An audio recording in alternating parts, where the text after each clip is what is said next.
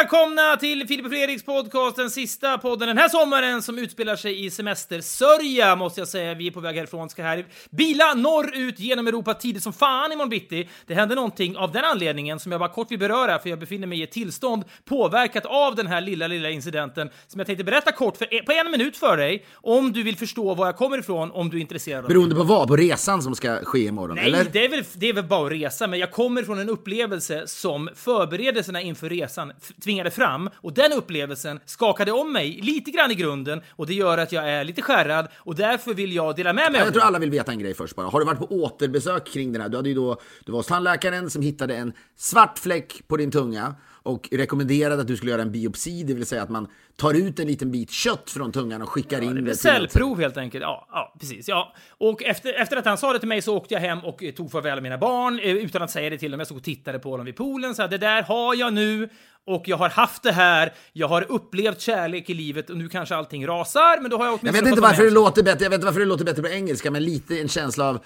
I've had a good life. Ja. I've, I've seen love, I've had love in my life. Sånt säger de i filmer.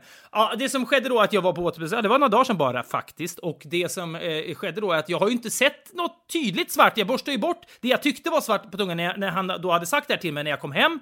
Och no, dagarna går, jag eh, gör mig redo för ett återbesök. Och jag, den, morgonen så borstar jag mig, jag, jag, det är som att jag hyvlar tungan nästan. För den ska vara, det ska vara den vackraste tungan. Jag tar med mig tandborsten ner i bilen. Jag sitter på parkeringen utanför tandläkaren med tandborsten i hand, sträcker ut tungan i backspegeln och skrubbar den där jäveln ren. Den ska, för jag vet inte vad det är för fläck han har sett. Han kanske har sett någon fläck långt där bak som jag inte kan se, så vet jag får kräkreflexer. Jag gör tungan så ren att jag vill att när jag kommer in så ska jag få beröm för att jag har en så fin tunga. Jag vill att han ska ta bilder på min tunga som han ska hänga ut, föreslå Louvren att de ska hänga upp. Det här är den vackraste tungan. Jag har gjort mig fin! finns- det finns en tungskrapa finns det Jag vet, också? men, Det då, ja, jag vet, men då, var hittar man dem ens? Jag tycker... Nej, det känns jävligt stort i Indien av någon anledning. Dina svepande antropologiska Ja, men om, du skulle placera, om du skulle placera tungskrapan någonstans, om du får frågan, alla mot alla som vi strax börjar spela in, vi börjar Ja, spela in kul. det här nu om Ja. en vecka. Så var i världen eh, eh, härrör tungskrapan från? Nog fan hade vi svarat Indien då. Nog fan hade du svarat Indien. Och jag hade tittat snett på dig och tänkt ja, han vet säkert vad han pratar om. Jag vet inte. Du, du, jag vet inte. Spateln känns lite mer indisk på något sätt. Lite mer... Det är ju att ha, eh, att ha en magkänsla kring var en tungskrapa kommer ifrån. Är det att kasta bort sitt liv? det har tagit dig ända hit dock! Det ska vi aldrig glömma. Ja, då ska du få berätta. Jag gör mig vad sa fin. de då? Jag gör mig fin, kommer in där. Det första som sker när jag kommer in i, i, eh, i mo- mottagningsrummet är att receptionisten säger då eh, “There is the bathroom, use mouthwash”, vilket hon inte sa förra gången. Vilket får mig att tro att jag, är, att jag är flagged på något sätt. När den där jäveln kommer in, då ska han skölja munnen med någon jävla industry, jävla superstark mouthwash. Det är en röd flaska där inne. Jag häller i mig det där och det är så jävla starkt. Tungan är ju redan barskrapad i mina ögon. Så att jag, det är väl bara kanon, blir den ännu renare. Kommer in, Lägger mig där. Han ska ju borra i min tand, det ska vi inte glömma bort. Jag har ju ett hål i en tand. Det är vad han tror Men att han vadå, ska... så det var inte, aha, jag trodde att det var bara, storyn blir liksom lite lamare om det är också att det är återbesök för att laga en tand. Jag trodde det var återbesök bara för tungan. I mitt huvud var det ju 99,9% tungan och 0,01% att borra ett jävla hål. Men det var, jag skulle ju ändå dit för att borra. Han var ju inte färdig med tanden, men han skulle hålla ett öga på tungan nästa gång vi sågs. Men det var ju tungan som bara flöt omkring längst upp i mitt medvetande när jag lägger mig bakåt i den där stolen då. Och han sätter igång den här jovialiske svensktalande tandläkaren med rötter i Dalarna. Jag vågar heller inte fråga. Det enda jag vill säga när jag kommer in där, säg att min tunga är fin! Jag har gjort mig fin för dig! Säg att den är fin! Men det vågar jag inte för jag är så rädd att han ska titta på den och säga nej, nej, nej. Så jag lägger mig bara bakåt och han börjar hålla på med min tand och laga den och det är något av det jävligaste jag varit med om ärligt talat. Jag tror att han också var lite sen när jag kom dit för jag hade suttit och borstat tungan så länge ute på parkeringsplatsen så jag tror han var sur för att jag var sen. Och han lät inte bedövningen verka riktigt utan han gnuggade lite grann på min kind med någon spruta så här, nu får vi bara köra. Så det gjorde något så jävla ont. Och sen säger han ingenting om tungan överhuvudtaget. Det är 30 minuter senare när allting är klart. Till slut är han i alla fall färdig med tanden och eh, liksom, det gör fruktansvärt ont i hela jävla käken. Det gör det för övrigt fortfarande, vilket irriterar mig. Det är ändå några dagar sedan detta. Jag, jag dricker nu liksom 28-gradig öl för att det inte ska bli ilningar i tanden. Det är också något jävla otrevlig avslutning på hela semestern, måste jag säga. Att den i princip så står och liksom självantänder ute i solen. Är du lite, är du lite gnällig? Nej, men det här, det här har... Det här gjorde någonting med mig ändå. Jag tror också det är en sak som jag tror många kan identifiera sig med, kanske. Det är att när man är ledig, alla jobbneuroser, prestationsångest av den typen skjuts åt sidan i några veckor. Då blir det fritt fram för övriga neuroser att få oproportionerligt stort utrymme i en. Och det är därför i alla somrar så är det något nytt skit jag har oroan för. När en tandläkare säger “Är du alltid sådär svart på tungan?” Ja, Grattis neuroserna! Då är det det som marscherar in och tar över hela medvetandet. Så gnälligt? Ja, säkert. Orolig också. Men jag ligger då där, instrument i hela munnen och så säger jag till slut Ser inte tungan fin ut? Och då säger han ja, ja, det där verkar inte vara någonting. Sen är det bara borta. Det är bara borta. Finns det inget mer att göra. Det är liksom, det är helt... Det där är väldigt mycket, det där tänker jag mycket som folk som utbildar sig till jobb där dåliga besked emellanåt måste levereras. Så det är i, i, i, naturligtvis är du en chef rent i största allmänhet så kan du behöva leverera du har fått sparken. Men det känns ändå som, det är ju givetvis så ändå att det man framförallt tänker på det är, är ju inom då Läkare, sjukvården. ja. Mm. Naturligtvis, ja. Det är otroligt att så många läkare, känner jag, nu har jag än så länge förskonad från jätte, jätte usla eh, eh, besked, men det är förvånande att folk inte mer liksom tänker att du går runt och tänker på det där hela tiden innan. Att, ja, ja, det där var ingenting. Han har ju ingen aning om, när han säger det här till mig, att vad han sätter i rörelse, att jag står och tar farväl av mina barn i sinnet. Nej men de- inte det, är själva, det är ju liksom, det där känns som att det måste ju vara, jag antar, är det en del av utbildningen att så levererar du ett uselt besked? Alltså, ja, måste... det, det lär dig, psykologin inom det lär vara en del av utbildningen, absolut, eller praktik eller någonting. Man lär ju få en sit down med en erfaren läkare som är bra på det där. Det var väl det som var hela problemet med tv-serien Bron för många, att den här kvinnliga karaktären som Saga Norén spelar, att hon var så fruktansvärt iskall när hon åkte hem till folk och sa din man är död. Då skulle man aldrig få ha det där jobbet. Jag tror att jag såg det här första avsnittet och tänkte, ja men det här tror jag ju inte på. Skit i Bron med andra ord, så kan vi se på liksom Mad Men istället, eller vad det nu var på den tiden. Är det en så att säga, det är ett inverterat, sitter du ner? Liv man betalar så att säga. Och vi har pratat om uttrycket tror jag, sitter du ner tidigare, eller hur? Mm. När man så här ska få ett, Fredrik sitter du ner? Ja, du ska få sommarprata, så att säga. Ja, okej, ja, ja, ja, men för många är väl det ett sitter du ner ögonblick. Ja, gud ja! Självklart. Din tandläkare där har ju, han har ju liksom så att säga, det är en inverterad sitter du ner-läge. Tänk om han har missuppfattat uttrycket, så han säger till dig när du ringer honom, sitter du ner? Nej. Då tänker du att läkaren ska säga, det var ingen Fast fara. problemet, är, men problemet med hela uttrycket och, och det som gör att somliga kan missförstå den här diskussionen är ju att sitter du ner kan betyda två saker. Sitter du ner, eh, eh, nej, ja, men sen- då tycker jag du ska göra det nu. För jag har, jag har väldigt dåligt besked. Ah, men det är inte Nej, det vet, uttrycket jag, en snackar om, utan det är ju verkligen, säger, sitter du ner? Då har han ju dåliga nyheter. Det är ju grejen. Jo, men då är läkaren dum. Om en läkare i, på svensk mark, jag vet inte, are you sitting down? Jag vet inte om det finns exempelvis Det på engelska. Ja. O, ja, men då är det ju liksom, då är läkaren jävligt oupplyst. För att i samma sekund, nu ska vi bara prata om din, din, din svarta tunga här, då fryser du till is. Och så säger han, eh, sitter du ner? Då skulle du tänka, åh vad skönt. Nej, du hinner nej, lugna nej, nej, nej, blir vad fan, varför ska jag behöva sitta ner? Om jag är orolig för min tunga, läkaren ringer, då behöver han ju bara säga du, jag kollar på det här, det är ingen fara. Jag kommer inte svimma av det. Man kan möjligtvis svimma om man får sommarprata, men en ett positiv nyhet från en läkare, då... då Jo, jo, jo, jo, jo, men jag menar att sitta uttrycket ner. sitter du ner handlar alltid om något positivt i min värld. Ja, jag är inte säker på att det stämmer. Uttrycket “sitter du ner” är ju då en, en preventiv åtgärd för att man inte ska svimma av beskedet som är på väg att då landa i ens huvud. Det kan vara positivt, du ska få sommarprata. Det kan vara negativt, du är dödligt sjuk. Båda lägena, då bör man sitta ner. Å andra sidan, är man dödligt sjuk, då kanske man föredrar att svimma och slå huvudet i, i en jävla bordskant och dö. Ja, men jag menar bara, det, det, hur, hur som helst, jag, jag associerar bara det här uttrycket med något positivt. Så jag menar som läkare måste man Ja, men den gärna- läkare som ringer och säger “sitter du ner” och sen levererar positiva nyheter ska ju byta jobb. Han ska ju bli av med jobb. Varför då? Han, han Nej, använder... men säger en läkare “sitter du ner” då tror man ju att det är över. Givet. Nej! Jag tänker Jo. tvärtom. Jag skulle känna, Nej, sitter det- du ner, din tunga är perfekt. Ja, Det, det är det sjukaste du har, bland det sjukaste du har sagt. Jo, men jag menar att... Läkare ringer och säger så här. Se, Men, men ska han säga, det är ju så här, ring! Ja, hej det är Filip. Tja, det är ju då den här tandläkaren som kan prata svenska för jag har rötterna i Dalarna. Ja, hej! Du, sitter du ner eller? Då måste det vara det Ja. tonläget, möjligen. Men säger han så här, du, sitter du ner? Då, men då, då tänker man nu jävlar! En läkare säger aldrig sitter du ner, utan så är det i så fall sätt dig ner. Det är det som är den stora skillnaden här. Sätt dig ner, är du snäll. Jo, men om man då sätter sig, okej, vad fan är det nu då? Din tunga är Ja, ja, men säger han, säger han sätt dig ner, Ja. då skulle jag tro att det är dåligt besked. Ja, exakt. Ja, men då så, då är vi överens. Nej, det är vi inte. För jag menar, det är stor skillnad. För sitter du ner, då är det positivt, men sätt dig ner. Den ena är, den ena är ju en, uppba, en uppmaning, det är någon slags imperativ. Sätt dig ner. Nej, men vet Den du andra Nej, är en nej, nej, nej, fråga. nej. Sätt dig ner är ju en tydlig, en explicit uppmaning. Men sitter du ner är ju också en uppmaning Nej. att sätta sig ner. Nej. Jo, det är det. Om någon säger till mig, sitter du ner? Då, då kommer jag per automatik att sätta mig ner. Ja, men det är inte, så kan det vara. Det är ditt beteende. Framför allt nu när telefonerna är trådlösa. Man, man behöver liksom inte gå liksom sträcka den här långa Roseanne Barr tv-serien. Hon har en lång telefonsladd i köket. Man behöver inte sträcka ut, man kan sätta sig nästan, du vet, man det är bara att gå och sätta sig på en stol. Men hur som helst, det är så, så, så, tungan var inget. Nej, men det som var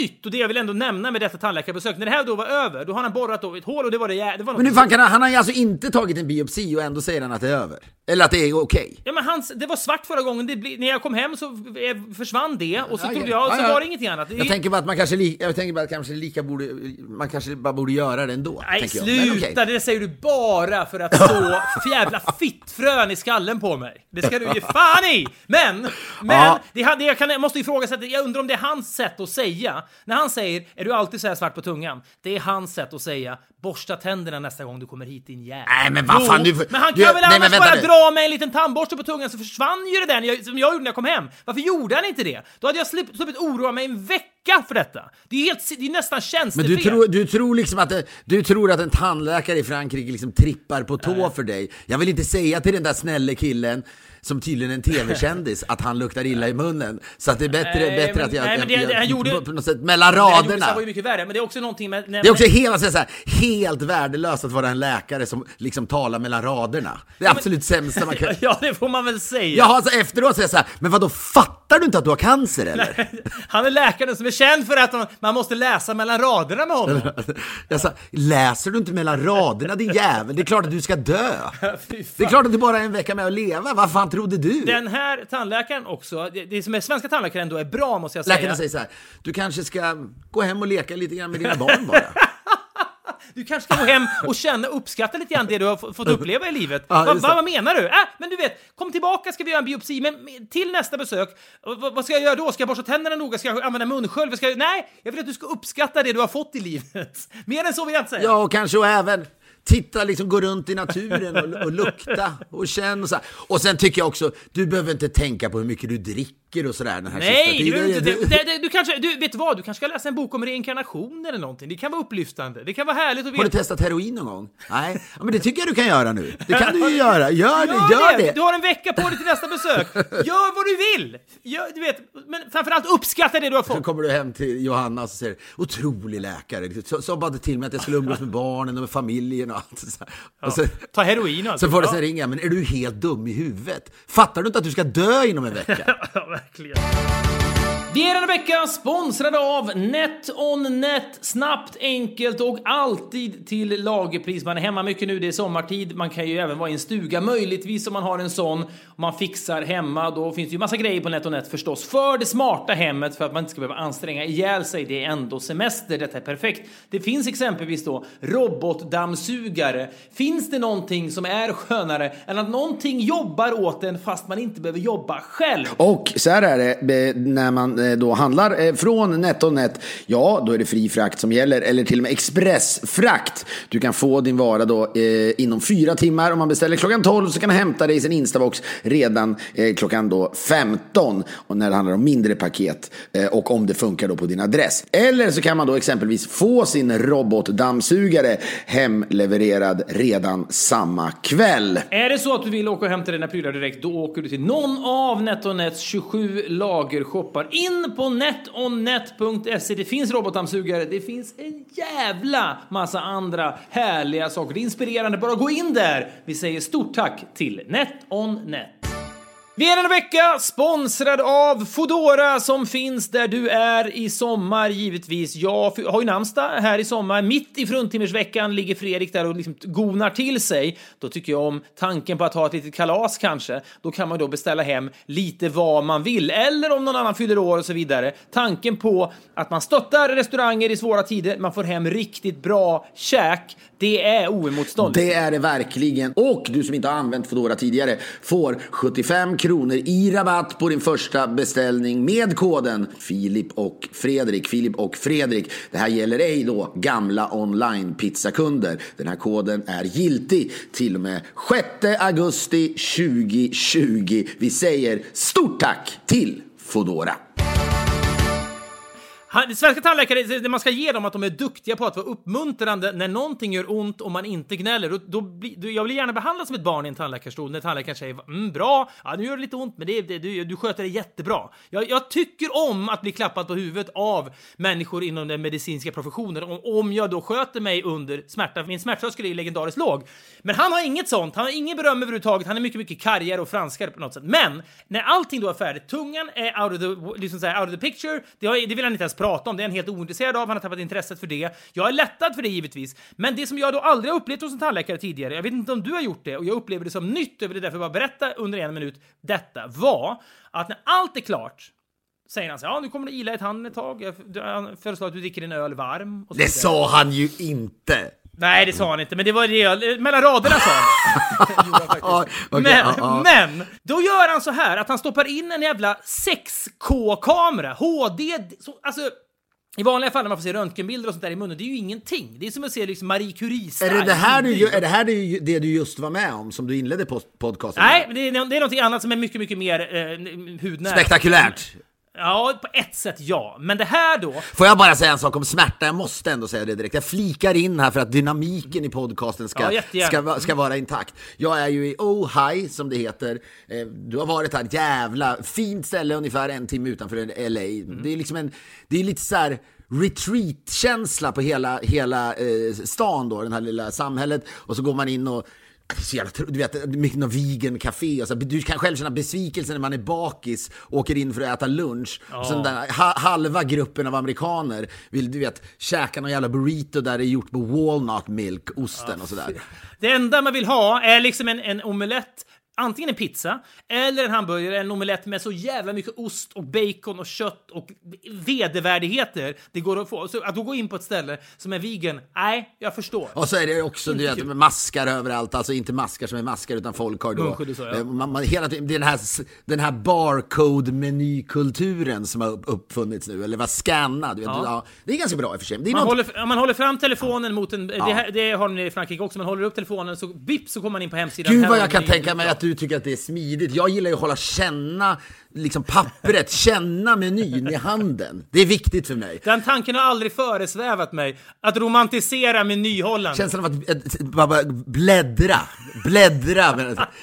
Vad saknar du mest i pandemin? Du har liksom inget problem att scrolla en meny. Du har inga känslor kring det Jag ska ju alls. bara eller? scrolla ner till en plats där det står kött och pommes frites och pepparsås. Så jag- Det är, för mig är det väldigt... Du, du känner aldrig en, liksom, en upprymdhet när du ser att menyerna delas ut? Nej, du vet, jag, på ett sätt, du vet, du vet med min familj... Mycket av pandemigrejerna är ju rätt in i din vebo Ja, men när, när min jag. familj kommer in på restaurang, då vill jag, om jag fick bestämma, då skulle jag kolla upp allting innan. Och så kommer jag in och medan vi går mot bordet så säger jag till människan som inte ens är servitör, utan som bara visar den till bordet och säger så här. "Vi- Hon kommer vilja det, hon kommer vilja det, hon kommer vilja det, jag kommer vilja ha det här. Beställ nu, vi kan ta in notan direkt så det är klart. Så vi allt, kan, allt är bara färdigt så vi kan dra så fort vi är klara om ungefär 23 minuter.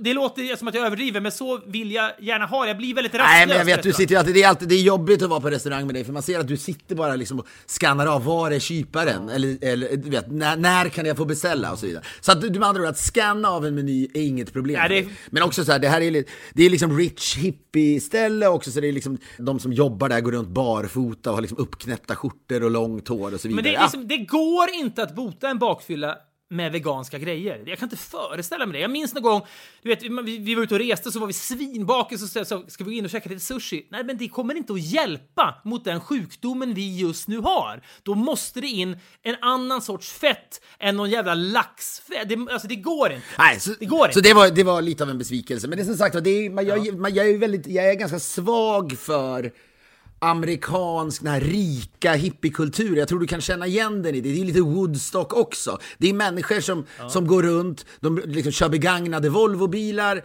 romantiserar Sverige och Bernie Sanders och så säger de inte till någon att de har 20 miljoner på bankkontot så att säga.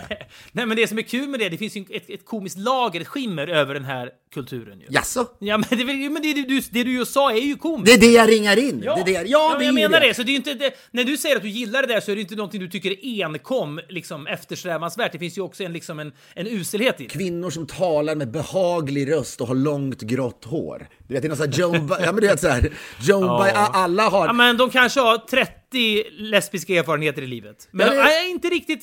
Hon har experimenterat, gjort ditter och datter, men har liksom är lugn i sig själv och liksom, ja, det, det, det har levt. De är förstående. Ja, men skitsamma, men apropå som Herregud, är det min definition på att ha levt? Ja, tydligen. Fan vad... Fan vad Gör det! Åk nu hem och ha några lesbiska erfarenheter. Titta på Bernie Sanders bästa tal. Fattar du inte att du ska dö? Förstår du inte att det var det jag sa till dig? Läkare som talar mellan raderna. Usch. Nej men eh, jag pratar om, om smärttröskel bara när, när, du, när du ligger där och liksom mår, mår uselt i, i en tandläkarstol och tycker att det gör ont. Så ska jag bara säga att vissa gillar ju naturligtvis att gå, vissa får ju stånd när de ligger hos tandläkaren. Eller som man sa när man bodde i Köping, det kanske rinner till lite när det gäller kvinnor då. Rinner det till nu eller? Va? Rinner det till? Ja, vackert. Nej, men, då, men då berättade hon att liksom hennes ex och de, de älskade liksom slå varandra så jävla hårt så de var helt blåa dagen efter över hela kroppen. Det här, det här är kvinnan med det gråa, långa håret. Nej, nej, nej, nej, utan det är en av dem Nej. som är, bor med oss här nu. Jaha, okej. Ja, men hon berättade, det var bara konstigt när man hörde att hennes kille älskade att när han, liksom, han låg på backen så skulle hon ha de vassaste, vassaste klackarna man kunde ha. Och så ville han att hon skulle liksom trycka det genom pungen bara, när hon och, och gå på. Ja, okej. Det är så att säga, ja. men det är motsatsen till att ligga i en tandläkarstol och tycka att det är lite runt, att det gör lite ont när han liksom sprutar vatten i gommen, typ. Ja, för att han hade ju någon jävla... Han, han superborrade rakt in i en jävla nerv vad han gjorde. Det måste jag ändå säga till mitt försvar. De berättade att ibland när de väl hade sådana sessions som de hade då, me- mellanåt, kanske några gånger, då var man tvungen att planera in så man inte kunde gå till jobbet i flera dagar efteråt, i och man var så jävla blåslagen. Fan vad sjukt. Ja, ja men jag, jag säger sjukt. Jag, jag, Är, är, är, är sjukt rätt ord? Har du blivit, har du blivit inskränkt? det har jag väl alltid varit när det gäller sånt. Nej, Men jag är, det är långt från mitt liv då, får jag säga det? Ja, men vad fan, det är inte så men jag lovar att det finns ju naturligtvis folk som också tycker det är jätteupphetsande att gå till tandläkaren. Så är Men det vet du vad? Jag tror att den här då, tillskottet till tandläkarbehandlingen som jag upplevde som var nytt för mig, eh, kan då tilltala säkert dessa människor. För man ligger då där och på slutet, och det här var ju liksom, det här är ju franska, lite på landsbygden ändå. Det här är någon- by som heter Sofia, eh, Antapolis eller något sånt där. Det är en jätteliten plats. Men inne i denna liksom så här, eh, ta- tandläkarmottagning så finns det ändå någon, han sopar bort halva tanden. Han, han visar upp min tand med någon jävla kamera fram och säger vad kort den är, jag gnisslar i tänder mycket. Nej, nej, nej, jag har bara slagit bort halva tanden, den var så rutten. Vadå, så sätter han på en så kallad krona då? Nej, han 3D-printar samtidigt en ny halvtand åt mig i ett rum bredvid som han har styrt med någon jävla... Men vad är det här för jävla lyx, vad är det här för jävla lyxställe? Ja, men det var inte klokt! Det var inte, det var inte klokt att han gjorde det. Först blev jag golvad när jag la mig på rygg då i tandläkarstolen och det är någon jävla pla plasma-tv i taket och där de visar liksom maneter som flyter omkring. Och jag tänker för mig själv när jag ser maneterna, de där vet inte om att de finns. Och så känner jag mig lite, lite djupsinnig. Men det är inte själva definitionen på high-tech i den här mottagningen, utan det är då att det är den jävla plasma i taket. Han slår bort halva tanden, eh, borrar bort den och sen då 3D-printar han samtidigt då en modell i rummet bredvid som han går in och hämtar, klickar rakt upp i käften och så är det liksom klart. Det har jag aldrig varit med om. Ibland kan, ibland kan jag sakna den där folktandvårdsupplevelsen som man hade när man var liten. Man kunde sitta och läsa tidningar innan man gick in. Mm. Det antar jag att du inte heller saknar. Du romantiserar inte det heller. Men du, kan inte, du romantiserar ju mycket också. Det måste, vi måste också komma ihåg det. Och så fick man bokmärken. Ja, absolut. Jo, ja, det fick man verkligen. Suddgummin kanske. Men på slutet då, så tar han då in en kamera i munnen. Det här ber jag ju inte om. Och som jag säger, tidigare var ju liksom röntgenbilder och man är van vid ett visuellt... Man, du behövde inte ha den här liksom, den- den- man brukar ha någon slags blyskydd på sig när man går in och blir... Ja, jag vet. Nej, det är inget sånt. Det, var, det här var något annat. Jag vet inte hur ens röntgenbilden togs. Det märkte jag inte ens. Det var inte det här liksom bly... Ja, du gick inte in i ett, du gick inte in i ett separat rum. Nej, jag vet inte. Plötsligt var det en röntgenbild tagen. I vanliga fall så är det ju så här, man går in i ett rum, någon går ut, och går in igen och du vet så här, det är så jävla noggrant. Här var det man la sig ner, här är röntgenbilden, det har vi redan gjort. Det, jag vet inte hur det gick till. Men det han gör, han kör in en annan kamera i munnen på mig som är sån jävla krispig kvalitet. Det är inte röntgen längre som det var förr i tiden. Man knappt ser någonting, man ser sin egen skalle typ och lite jävla tandhalsar. Det han gör då att han vandrar runt i Jag vill inte se hur jag ser ut i min mun. Jag har ju liksom ODD som, eller vad fan det nu heter. Jag vill inte se mig själv i spegeln överhuvudtaget. Jag vill absolut inte med en liksom 6K-kamera Heter det inte OCD? Heter det inte OCD? O, B, OCD är Obsessive Compulsive Disorder när man har tvångstankar. BDD är när man har body när man är, hatar sitt eget utseende. Det är det jag har. Jag har OCD också kanske lite, men framförallt BDD. Ja, men vad fan, du hatar inte ditt eget utseende. Hatar Jag, ser inte, jag har inte sett mig själv i spegeln på tre månader. Jag klarar inte ens när jag rakar mig. Jag vill inte, jag, det där vet du om. När jag klipper mig så har jag papper framför mig på spegeln. Jag ska slippa se min egen Ja, spegel. det, är därför, det, är där, det är därför du har också ätstörningar då. Kanske. Kanske. Men jag vill framför allt då inte att en 6K-kamera ska vandra runt i munnen så han ska visa exakt hur jag ser ut. Det kan du föreställa dig. Det är liksom lagningar med amalgam från 80-talet där inne. Det är ingen kul arbetsmiljö för den här kameran att vandra runt. Jag har liksom inte en enda amalgamlagning. Nej, okej, men tror du att det är kul för en kamera att vandra runt i din snusade mun? Nej, nej, nej, men jag säger just det där, det får dig att låta Nej. väldigt ancient som människa faktiskt. Jag vet, men jag är ju det då. Kalla mig ancient om du vill. Jag har amalgam i käften. So be Hur många har Du har flera stycken alltså? Två, tre. Men det är som svarta små liksom prickar. Det ser för, för, förfärligt ut. Otroligt, Ja. otroligt. Jag trodde inte, jag, jag tror det är det, liksom största... Liksom, Generationsgapet mellan dig och mig. Gapet mellan oss. mellan oss. Ja, men han gör alltså detta. Han vandrar runt i munnen, visar alla fel och brister. Det är som en shaming, en sightseeing-shaming av min munhåla han, han ägnar sig åt på slutet. Här har du lite tandsten, det borde du göra någonting åt. Här har du ett hål. Det, det här Sitter du, han sitter och, du ser inte, men han sitter och runkar samtidigt. Ja, under, sitter men under jag, rocken. förs- det, jag förstår inte, det är som en bestraffning alltihopa. Han vandrar alltså runt och säger, han har lagat ett hål, men han säger, ah, ja, ja, i vanliga fall i folktandvården, nu har vi löst det här. Allt har blivit bra, här har du ett bokmärke. Här däremot, mm, jag, har borrat, jag har löst ett hål i din tand, absolut, jag har 3D-printat en jävla krona och smält upp i käften med lite jävla superglue. Men, här har du allt annat som är fel. Tandsten, du har kommande hål, du har sprickor i den här tanden, kommer att falla isär. Så att han, Men då hade du det? Ja, allt! alltså, Jag går ju därifrån med säm sämre tandhälsa än när jag gick in. Åtminstone upplevt. Jag får ju reda på så jävla mycket som är skit i munnen. Jag förstår sen när han frågar “Bor du här nere eller?” Att det det egentligen handlar om är ju merförsäljning. Han vill ju hooka mig för att komma tillbaka och ge, ta fler Det är behandlingar. ju lätt att säga, det där är det, där är det eviga tjatet om merförsäljning. Det är väl också, han försöker väl rädda ditt liv.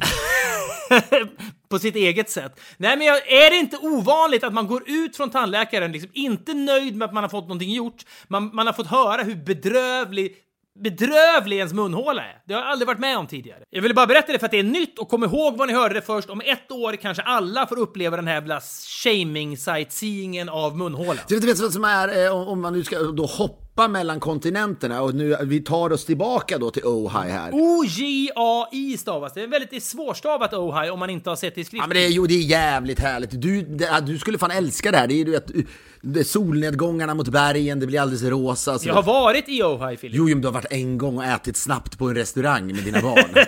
ja, exakt så faktiskt. Sen, började, sen kom någon jävla brand och vi var tvungna att lämna hotellet, vilket jag tyckte var lite skönt för jag började bli lite rastlös. Får, får jag bara säga, får, får jag flika in en sak snabbt där? För du, du skickade ett sms till mig för kanske tre dagar sedan som jag skulle vilja rubricera som ett av de tio mest överraskande smsen du har skickat till mig någonsin. Oj! Ja, men det får jag ändå Och vi skickar ju säga. väldigt mycket, jag väldigt, vi skickar ju väldigt mycket, jag skickade bland annat en skärmdump på att entreprenören Per Holknekt skilde sig för fjärde gången. Ja, men det, tredje gången tror jag det var, det var inte så överraskande för jag förstod när jag såg den rubriken, det här kommer Filip att reagera på att Holknekt har skilt sig. Det, det, det, det var inte så överraskande, men du skickar mycket sms, det tycker jag alltid Ja, men han är kul. men, äh, Holknekt är ju mänsklig mitt i all omänsklighet, om man nu ska Ja, analysera Ja. honom. Du sitter och får, du får liksom en, du får två sekunders varma känslor för Per Holknekt där borta och sen, sen går Du vidare. skickade även en skärmdump på att Boris Becker, den gamla tennislegendaren, hade skulder på 383 miljoner. Ja, det skickade jag till dig, för det kände jag att det kommer, du också, kommer att göra någonting med dig när du ser. Han är också mänsklig. Ja, jag skickade också en skärmdump att Hasse Aro hade blivit farsa igen vid 63 års ålder.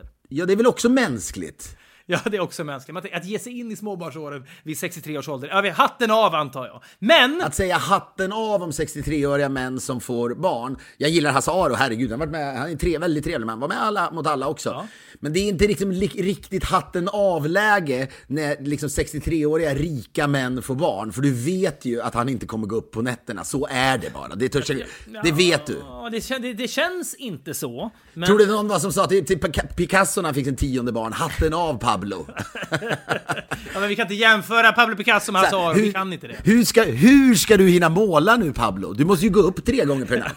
Du, du, ska ju, du ska ju vara sysselsatt med det här nya barnet du har fått. Va? Va, hur, Vad pratar okej, du? Intervju med Pablo. Ja, hur är det nu? Tänker du ta ett litet... Vi är denna vecka sponsrade av Finnair och vi pratade i förra veckan om klass och service, något man verkligen uppskattar när man flyger och det får man ju då hos Finnair. Låt oss Fredrik lyfta fram Finnairs up app som underlättar resandet redan från bokningen. Den fyller ju då i all info automatiskt när man bokar. Perfekt då när man reser mycket och det första du ser i appen det är check-in. Kanske det viktigaste då innan resan. Sen har du dina digitala boardingkort i mobilen och behöver du addera en väska, välja säte eller kanske ändra något i bokningen så gör du det i appen och slipper kontakta kundservice. Man kan bara föreställa sig vilken tid man sitter i de här telefonköerna. Det här är enkelt, smidigt och tidseffektivt. De är otroligt duktiga på att hela tiden förbättra upplevelsen under resan. Vi säger därför stort tack till Finnair!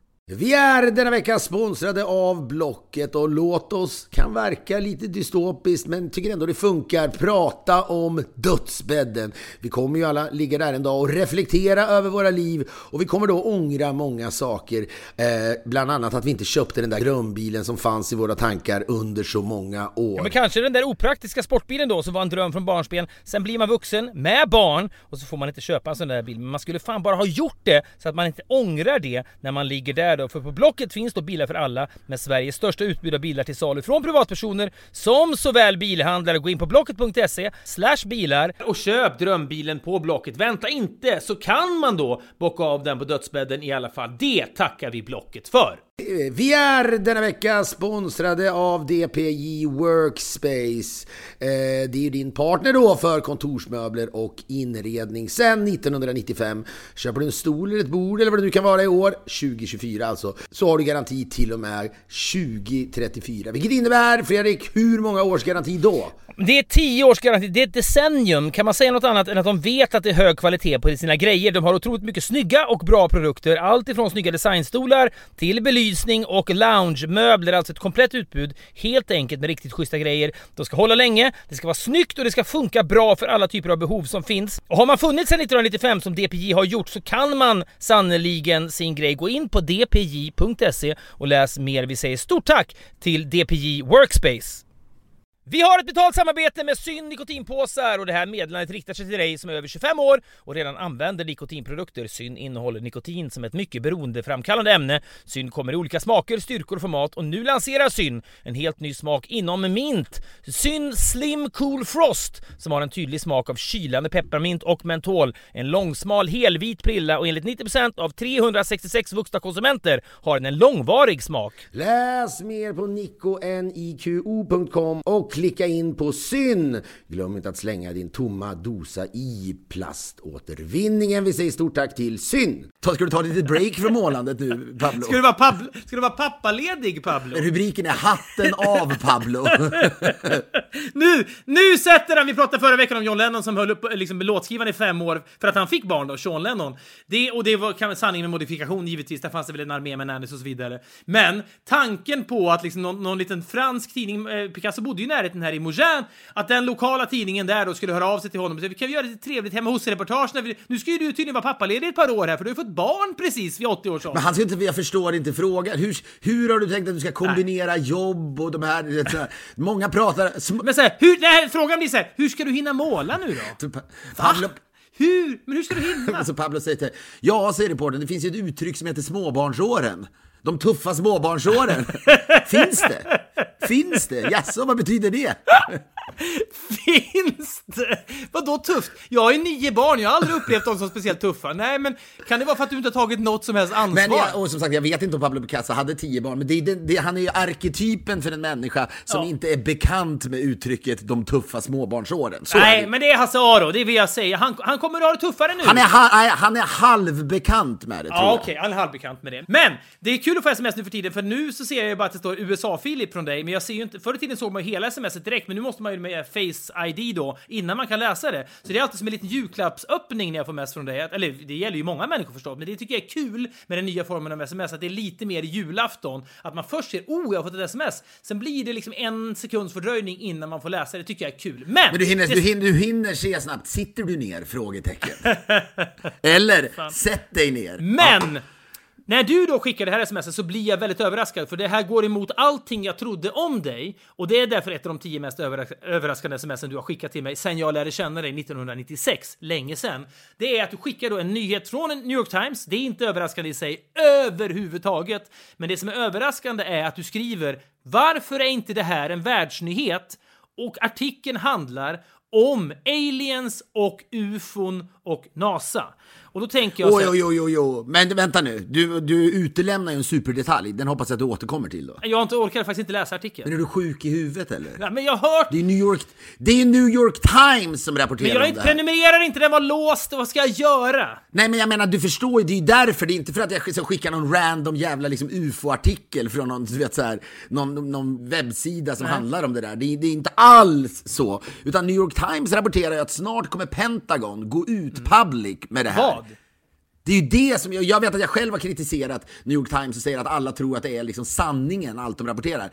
Men det är ändå intressant att de gör Men det. det som, för jag tänker så här, okej, det här är en nyhet om aliens och liksom så här unknown life... Aliens, absolut inte om aliens. Nej men det är okej, är oidentifierade flygande objekt då. Ja, nej, de har alltså hittat off-world vehicles Ja. och delar av det. Och kan då, de kan alltså se att det här det är liksom metaller som inte finns på jorden. Och det är också man-made, det kan inte vara någon meteorit som har slagit ner och det här, det här är en metall som ingår i en meteorit. Ja, det var inte så eh, New York Times eh, presenterade det. Men alltså, så här är det väl? Nej, det här är, vi- så är det nu. Det finns liv i rymden. Det är det, är det som är Ja, men beviset. så här, det, det, ja, men det intressanta med det här menar jag är att det är en sak att du skickar den här artikeln och om det skulle visa sig att New York Times har rätt, det finns liv i rymden, det finns metaller som har landat på jorden som då hör hemma på skepp som har kraschat eller landat på något sätt, kommer från andra planeter. Det är intressant i sig, men för mig är det ännu intressantare att du bryr dig om det, för du har en liksom notorisk historik att inte bry dig ett jota om rymden sen jag lärde känna dig och det får mig att tro att sällskapet du är med, apropå de här amerikanerna, det här härliga gänget, de är väldigt kosmiska av sig och jag tror att du reagerar starkare på den här artikeln för att du är med dem än om du hade varit ensam. Jag vet inte om de är kosmiska, men jag ska ner till poolen här. De gillar att titta upp i himlen och det kan du ju möjligtvis, då får du läsa mellan raderna.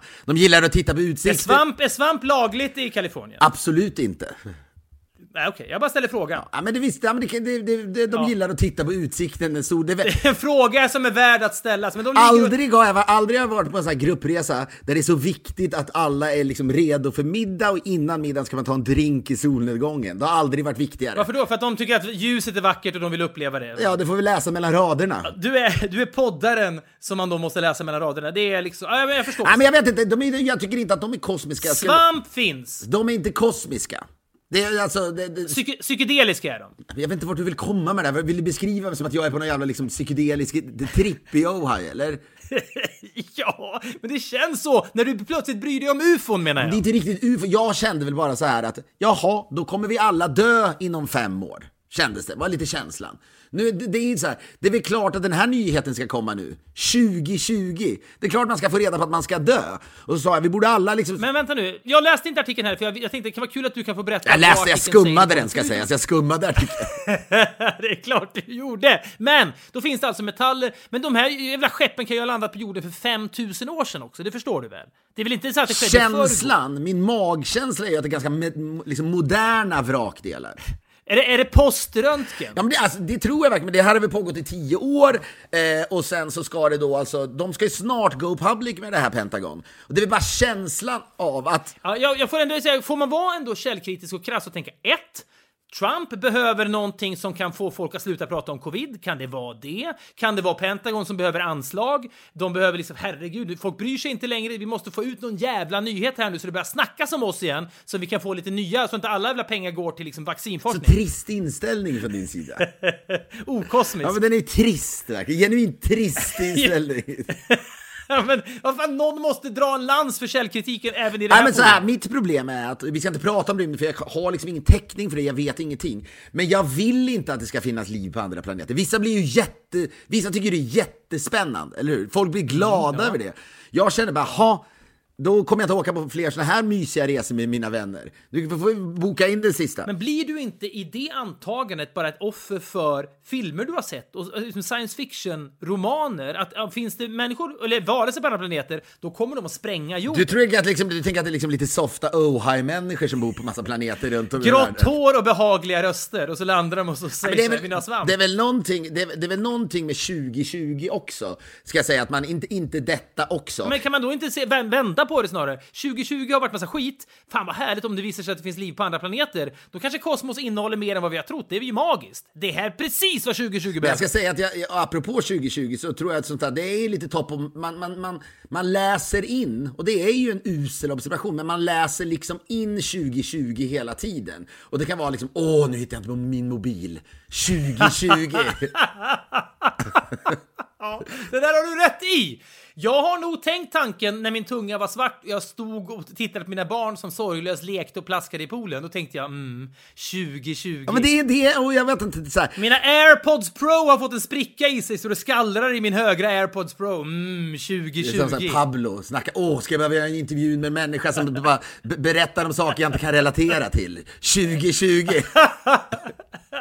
Om Picasso, Picasso hade levt, fått barn vid 80 års ålder nu så hade han tänkt Picasso så, ja. ringer sin, sin, sin manager, du kan, jag kan inte behöva göra intervju, intervjuer med folk som pratar om grejer jag inte kan relatera till. Om jag en gång till konfronteras med en liknande journalist, då ryker du, säger han. Nej men så är vi här då, ett jävla gäng nu. Det är, ja, du hade älskat det, jag vet att du hade älskat att gå runt här och snacka med folk. Och det är begåvade jävla människor. Ja, absolut. Jättesmarta. Kosmiska och begåvade. Ja, Ja, jätte, verkligen. jättesmarta människor. Ja, men Ja. Och, eh, vår kompis då Brian, jag la ut några grejer på honom på eh, eh, Instagram. Det var en väldigt kul, ett kul klipp när han kör rockring. Ja, jätte. han kör rockring vid Ja. poolen och har skaffat braids. Det är ju, vi berättade för många år sedan, alltså en av, en av mina första resor med honom, det här har vi berättat för flera år sedan, men- många som inte har hört det givetvis, är att du och jag är med några kompisar i den spanska byn Almenekar och Brian ringer oss från Los Angeles och säger vad håller ni på med? Äh, vi är faktiskt i Spanien och är på någon slags liksom, jobb slash festresa. Ska du inte komma hit? säger vi på skämt. Ja, ett och ett halvt dygn senare så knackar han ju på dörren. Då har han dykt upp och säger vad kul, eh, nu är det fest för det är fredag kväll och ja, sådär. Så kommer han in och det är liksom massa öl och så säger han vad bra, för jag har också med mig någonting som heter Colonopin som är en slags benzo, liksom lugnande, an- äh, ångestdämpande. Det kan man blanda med öl om man är ansvarslös och det ska man nog inte göra, men det gjorde vi den kvällen och så var det en kanonkväll och vi hade jättekul. Vi däckade och sen var det morgon och så åkte vi ner till byn Almenekar från det här huset där vi bodde och så skulle vi käka lunch. Vi skulle inte käka någon veganskit utan vi skulle käka, få i oss fett, kanske proteiner. Vi skulle bli botade från bakfyllan så vi kunde dricka igen. Och då så går vi fram till en, en lunchrestaurang som är stängd. Så går det förbi någon man och så säger vi, vet, vet ni när de öppnar? Nej, det är stängt idag. Men det står ju här att det öpp- öppnar 12 på lördagar. Ja, men idag är det ju söndag. Nej, det är det inte. Det är lördag idag.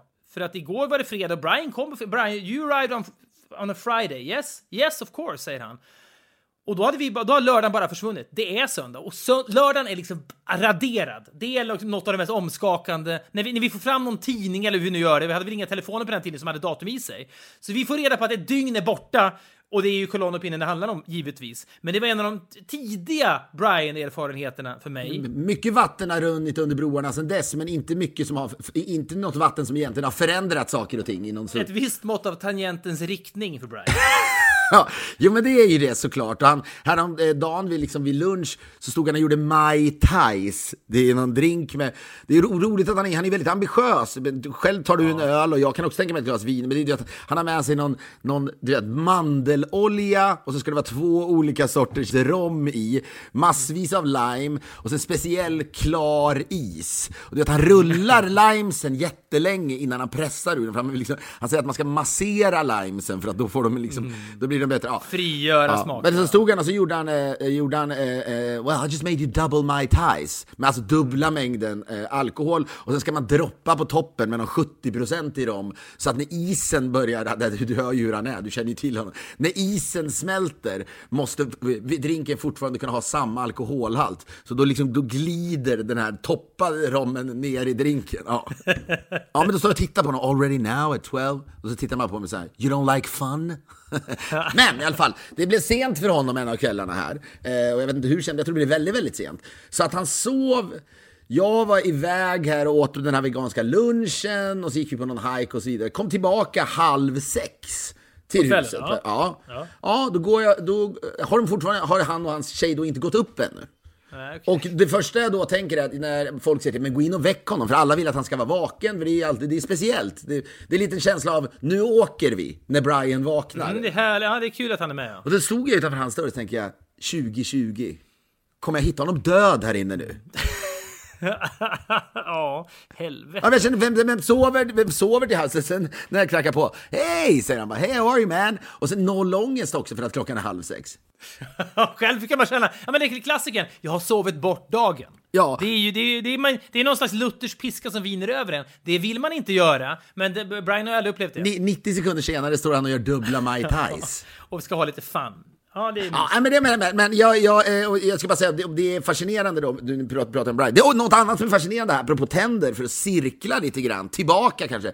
Det är ju att du är ju en människa som inte har några problem i världen med att gå och lägga dig utan att borsta tänderna, om du har varit Ah, full exempelvis. Problem kanske jag inte har, men jag är jättenoggrann med det. Jag kan, jag kan uppleva fullständiga minnesluckor, kolonnepinnar eller inte. Men när jag vaknar så är, kan, kan jag liksom skönja att tandborsten är lite, lite fuktig. Men varför har du så dåliga tänder då? Men det är genetiskt! Men i alla fall, för jag, det där vi pratade om tidigare, att du, kan använda, du tidigare kunde du använda samma tandborste i tre år, eller om det var ännu längre. Ja, men jag, jag använder den jätteofta. Men det, det, jag, du vet, när jag går hem, kom hem på praktfyllan, då hade jag ju vikt byxor. Jag, det var jättenoggrant. Det, jag, du kan ju storma in, falla död ner på sängen och sova liksom i 12 timmar. Jag borstar tänderna, jag liksom hänger upp t-shirts på balkongen så de inte ska lukta rök på, back in the day. Så nej, jag hade en viss rutin. Men de här eh, amerikanerna som är med här, de sp- spottar ju sannerligen inte i glaset. Och det, det, uttrycket kan vi då använda i dess bredaste form. Det innebär att de är liksom inte rädda för gift, så, så att säga, överhuvudtaget. Nej. I någon form. Ändå på de här två toaletterna, jag har med mig någon liten jävla vanlig, liksom analog tandborste. Alltid är det någon, som- du vet, så, är det någon som har tandkräm eller? Det är den känslan. Du vet.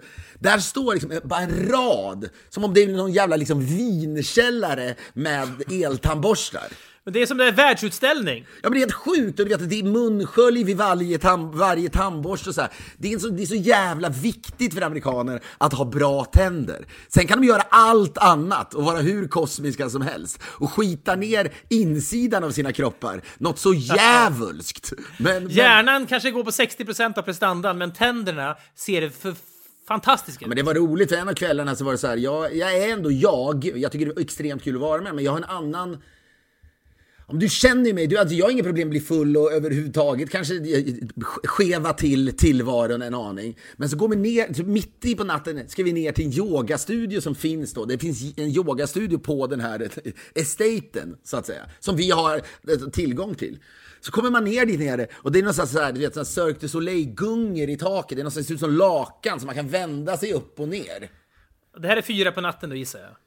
Ja, kanske senare, jag vet inte. Men det, det, solen håller på att gå upp kanske. Ja. Nej, det håller den faktiskt inte på att göra. Ja, men komma in där, det är två av de här människorna, så här, två par som är med, som båda är nakna. Och så gungar de i de här gungorna för, och du vet, hänger upp och ner och så vidare. Och sen så, come on, join the fun. Jag, jag är inte Var det där. Jag är liksom inte där Nej. ännu. Det är... Men, du, men tror du, vilken tangentens riktning är du i? Är du i en tangentriktning som går åt det hållet, eller är du helt parallell med det där? Du är lika liksom ointresserad nu som för fem år sedan, eller, eller blir du liksom mindre sugen, eller kan du bli Jag med? vet inte, jag har aldrig, jag, jag känner mig, jag vet inte. Det känns som att nu med- med 2020 så att säga, jag har inte liksom doppat tårna i, i, i svensk kultur på hur länge som helst. Det är liksom det enda, visst, visst, jag vet om att Per Holknekt skiljer sig igen för tredje Och gången. att Hazaro blir pappa? Ja, men jag har liksom, jag är inte, så att jag känner att det kanske är en tangentens riktning, att jag är lite mer mitt liv, jag är på något sätt fascineras och mer sugen på den här typen av amerikanska. Det är inte så att alla människor lever det här livet i USA, det ska gudarna veta. Nej, sannerligen. Men du vet bara att vara, ja, men jag har försökt, som alla sitter liksom och röker gräs från morgon till kväll. Från morgon! Det ligger i köket så ligger det liksom, ligger det liksom som en, en hel skål, stor salladsskål full med jointar bara. Ja, ja visst. Och det, det, det, ja, men det är jag ju inte inne i alls överhuvudtaget. Det, det, den, den, den tangentriktningen finns inte för mig.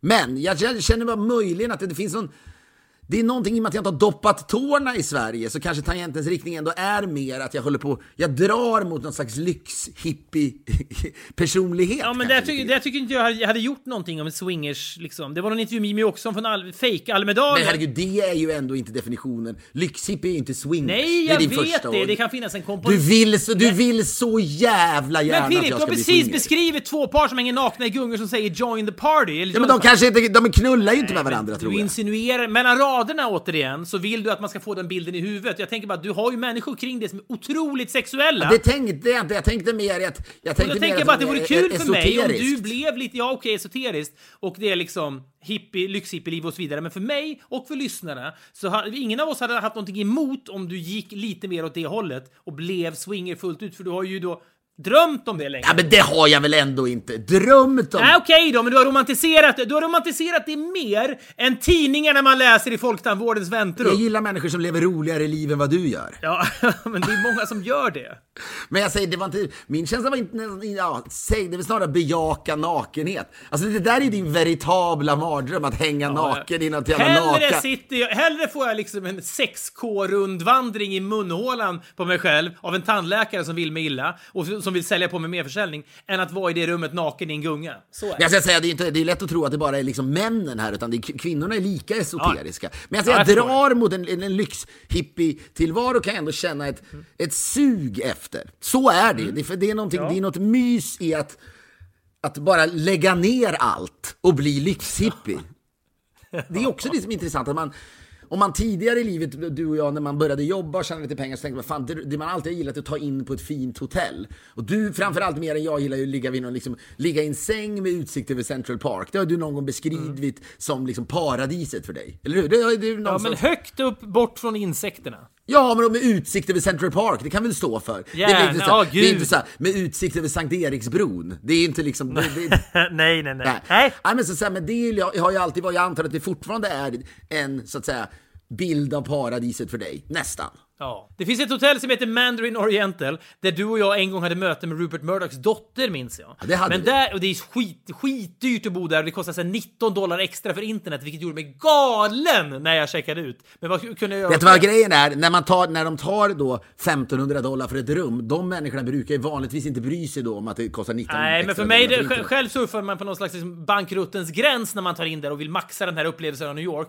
Att då få reda på 200 spänn extra har dragits för att man skulle ha lite halvkass wifi, då blir man Ja, men så, men så är det. Men jag menar bara att jag tror att jag har kanske under 2020 så har jag lite, jag har förflyttat mig bort från panoramafönster, lyxhotell, blicka Mm. ut över Central Park.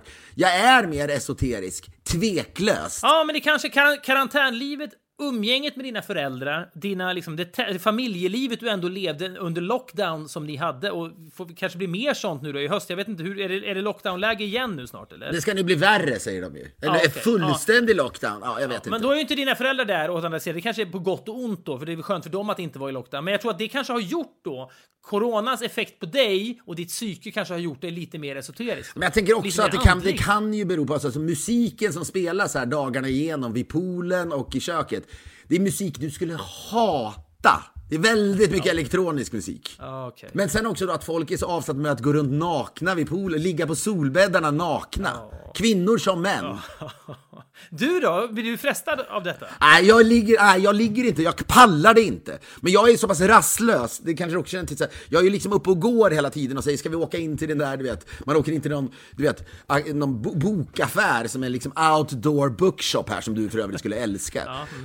Det är klart att den ska vara outdoors. Ja, det är klart det ska, Självklart. Varför ska det vara indoor för när det kan vara outdoor?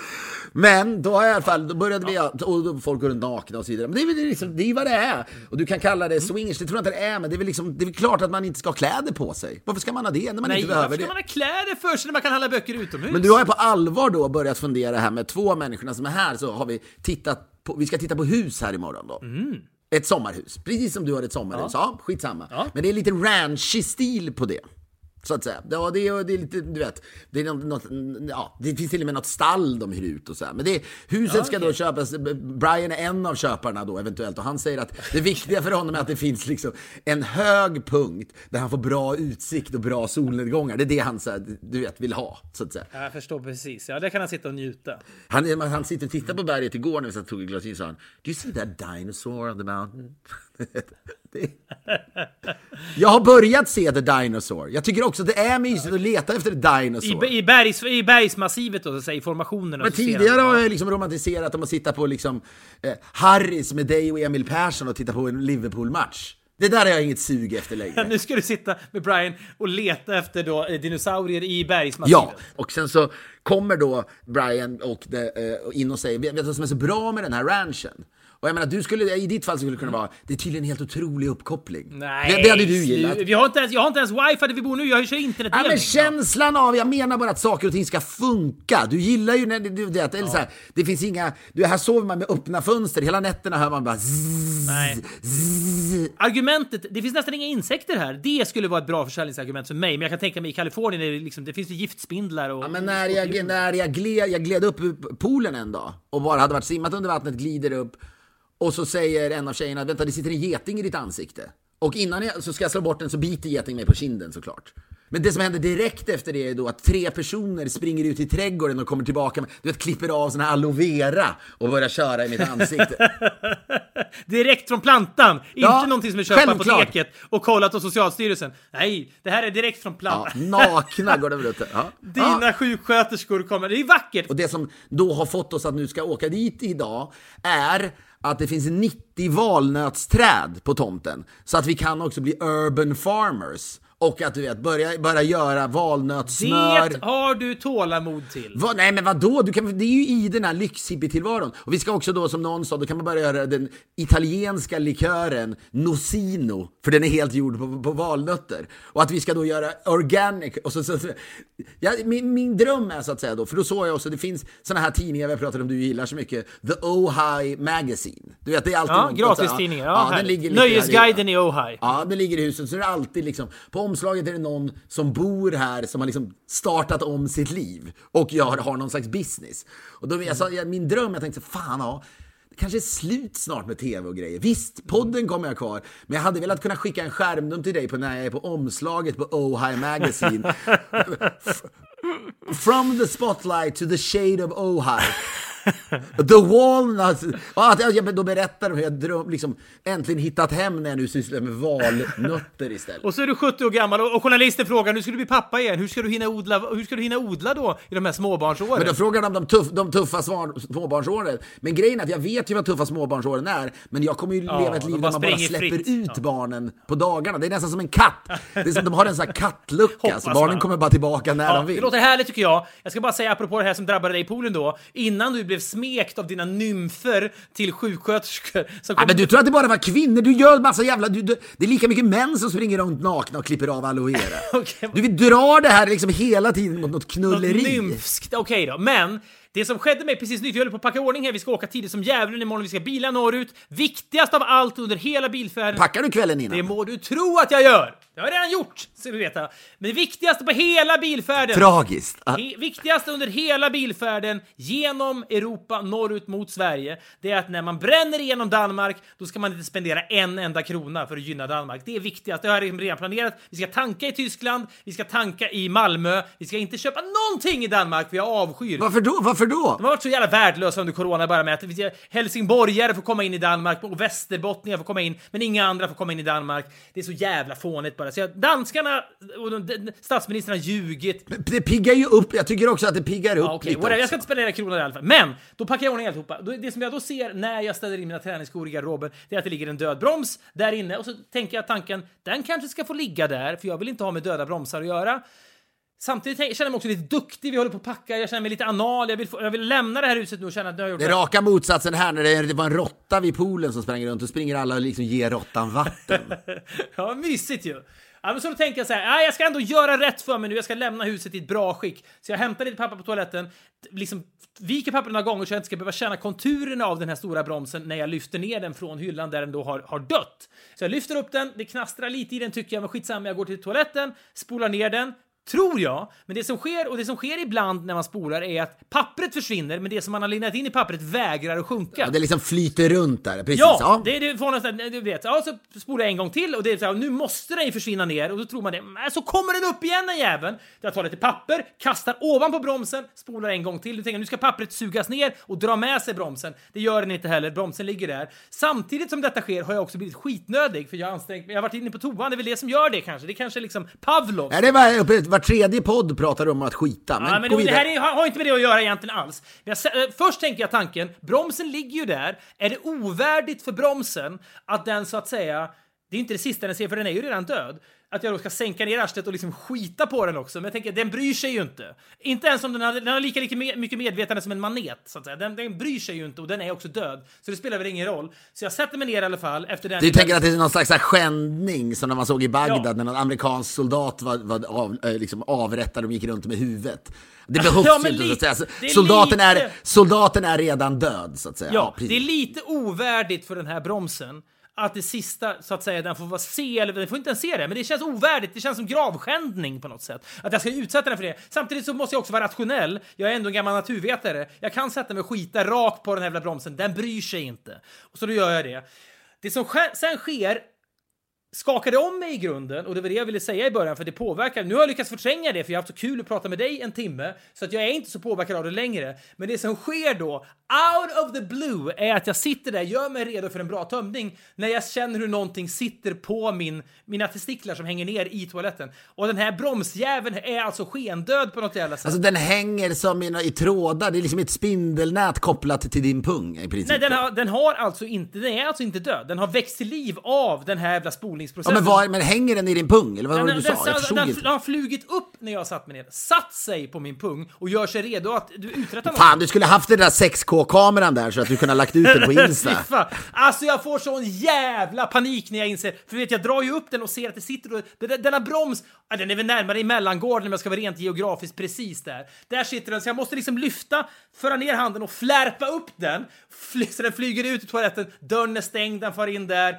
jag jagar ut, ja, jag vet inte. Det var, det var något av det mest Men varför, vedervärdiga. var det, men varför ska, men det skakade om dig för, i grunden för att du trodde aldrig att något sånt skulle kunna hända Ja, men egentligen. är och någon, det är man, jag hade räknat ut bromsen till att börja med. Den är ju sten, den är också jättestor. Att den plötsligt sitter i min mellan, där mellangården möter pungen, det är inte kul vad den kan uträtta där om den skulle sticka mig. Och det gjorde mig så bara så jävla... Jag tror inte jag har varit så rädd på kanske två år. Här hade, fler, här hade flera människor sagt, men vänta, bara ställ dig på alla fyra ska vi bara ta bort den. Lite lugnt hade folk bara plockat bort den. Ställ dig på alla fyra, bred, dra isär skinkorna lite grann, så kommer vi här med lite halogen. Samtidigt som du dricker en double Mai Tai. Vi ska ju bara ta bort den här. Ställ dig med blickriktningen mot bergen så du har lite bra Så du ser dinosaurien i bergen, samtidigt som vi ska liksom ta bort försiktigt den här bromsen och så ska vi låta den leva. Sen ska vi ge den lite vatten, den här. Ja, exakt! Sen ska vi återinföra den i faunan där den hör Det är en hemma. massa hundar här också såklart, alla har ju hund. Och så. I morse nu så fick alla en veggie steak, hundarna har fått upp, uppgjort för dem. Fint! Det är olika liv vi lever. Det var någonting med den här upplevelsen som åtminstone för mig var omskakande och fullständigt unik. Att då se den här liksom återuppståndelsen av bromsen som sen placeras på ett olyckligt ställe. Vet du vad det är? Nej. 2020. ja, det är precis vad det är! Hörni! Det är 2020, att ni fortsätter lyssna på oss också. Ja, det, jag tycker det är otroligt när människor hör av sig, mejlar till podcast.poddff.com. De vet saker, de har tankar, det är rörande mejl, det är bekännelser, det är allt möjligt. Vi får ju liksom hårresande historier från människor som bara vill lätta sina hjärtan. Vi tar så gärna emot dem, vi svarar på allt. Vi tycker det är kul att höra av er och vi älskar att ni är med oss. Vi hörs igen om en vecka. Ska vi sluta med musik? Finns det någonting elektroniskt? Nej, det orkar vi inte. Nej, det gör vi fan inte. Nej. Ha det bra! Hej! Hej då!